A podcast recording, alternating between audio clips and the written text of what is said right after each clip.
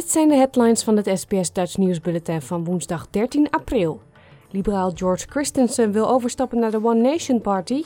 Vladimir Poetin zweert door te gaan totdat doelen bereikt zijn. En premier Boris Johnson beboet voor feestjes tijdens lockdown.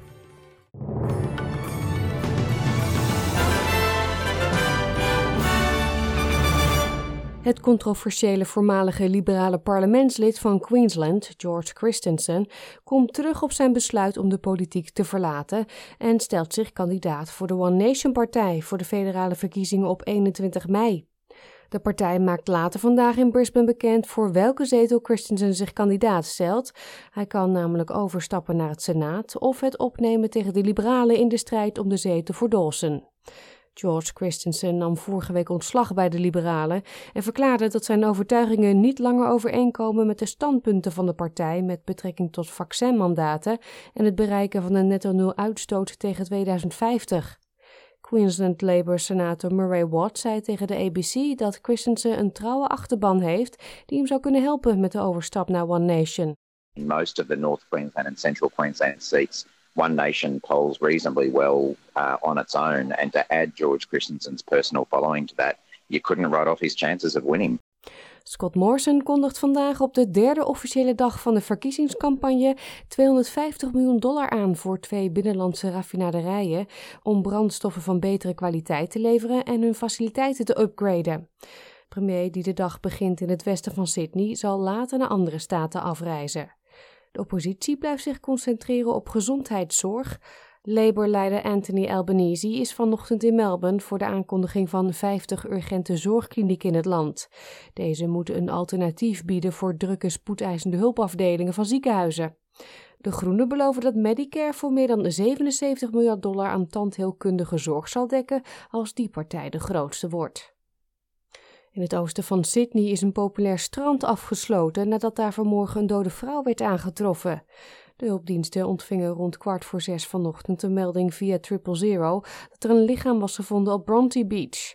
De politie trof het lichaam aan aan de noordkant van het strand en heeft een plaatsdelict vastgesteld.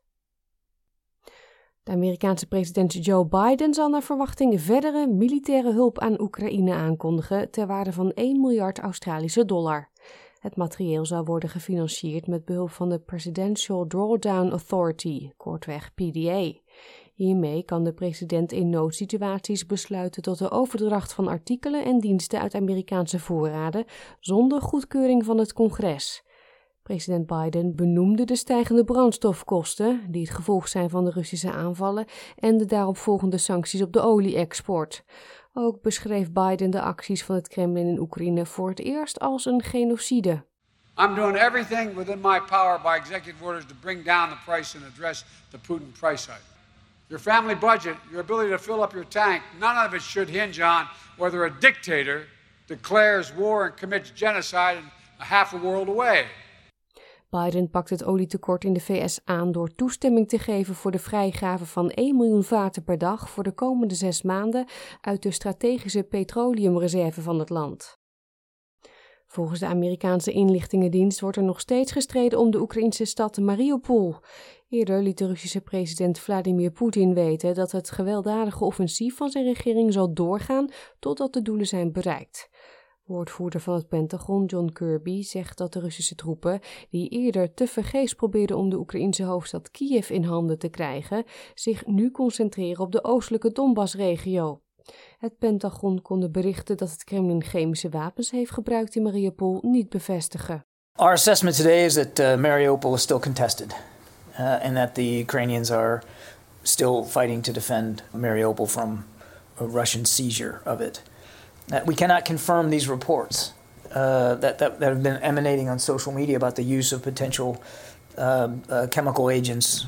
Obviously, taking it seriously, and we're monitoring it. We're trying to do the best we can to, to figure out uh, what, if anything, happened, but we're not in a position to confirm it right now. De Oekraïense onderminister van Defensie zegt dat mogelijk fosformunitie is gebruikt. Deze munitie veroorzaakt verschrikkelijke brandwonden, maar worden niet als chemische wapens beschouwd. Leden van het Amerikaanse congres hebben gezegd dat de Biden-regering en haar bondgenoten niet zullen toekijken als blijkt dat chemische wapens zijn ingezet.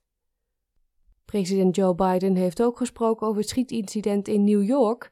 Gisteren werden tenminste tien mensen neergeschoten en raakten nog eens acht personen gewond nadat een schutter tijdens de spits een rookbom liet afgaan in de metro en het vuur opende.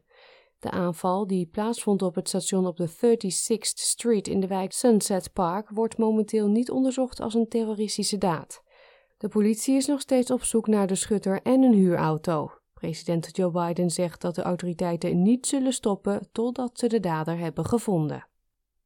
De leider van de Britse oppositie heeft gereageerd op het nieuws dat premier Boris Johnson beboet wordt voor het bijwonen van een verjaardagsfeestje in zijn officiële residentie terwijl er een lockdown geldde.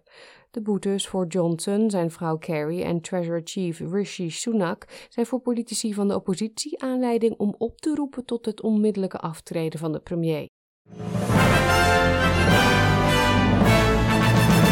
Krijgt u nog de weersverwachting voor vandaag? In Perth is het gedeeltelijk bewolkt en wordt het 25 graden.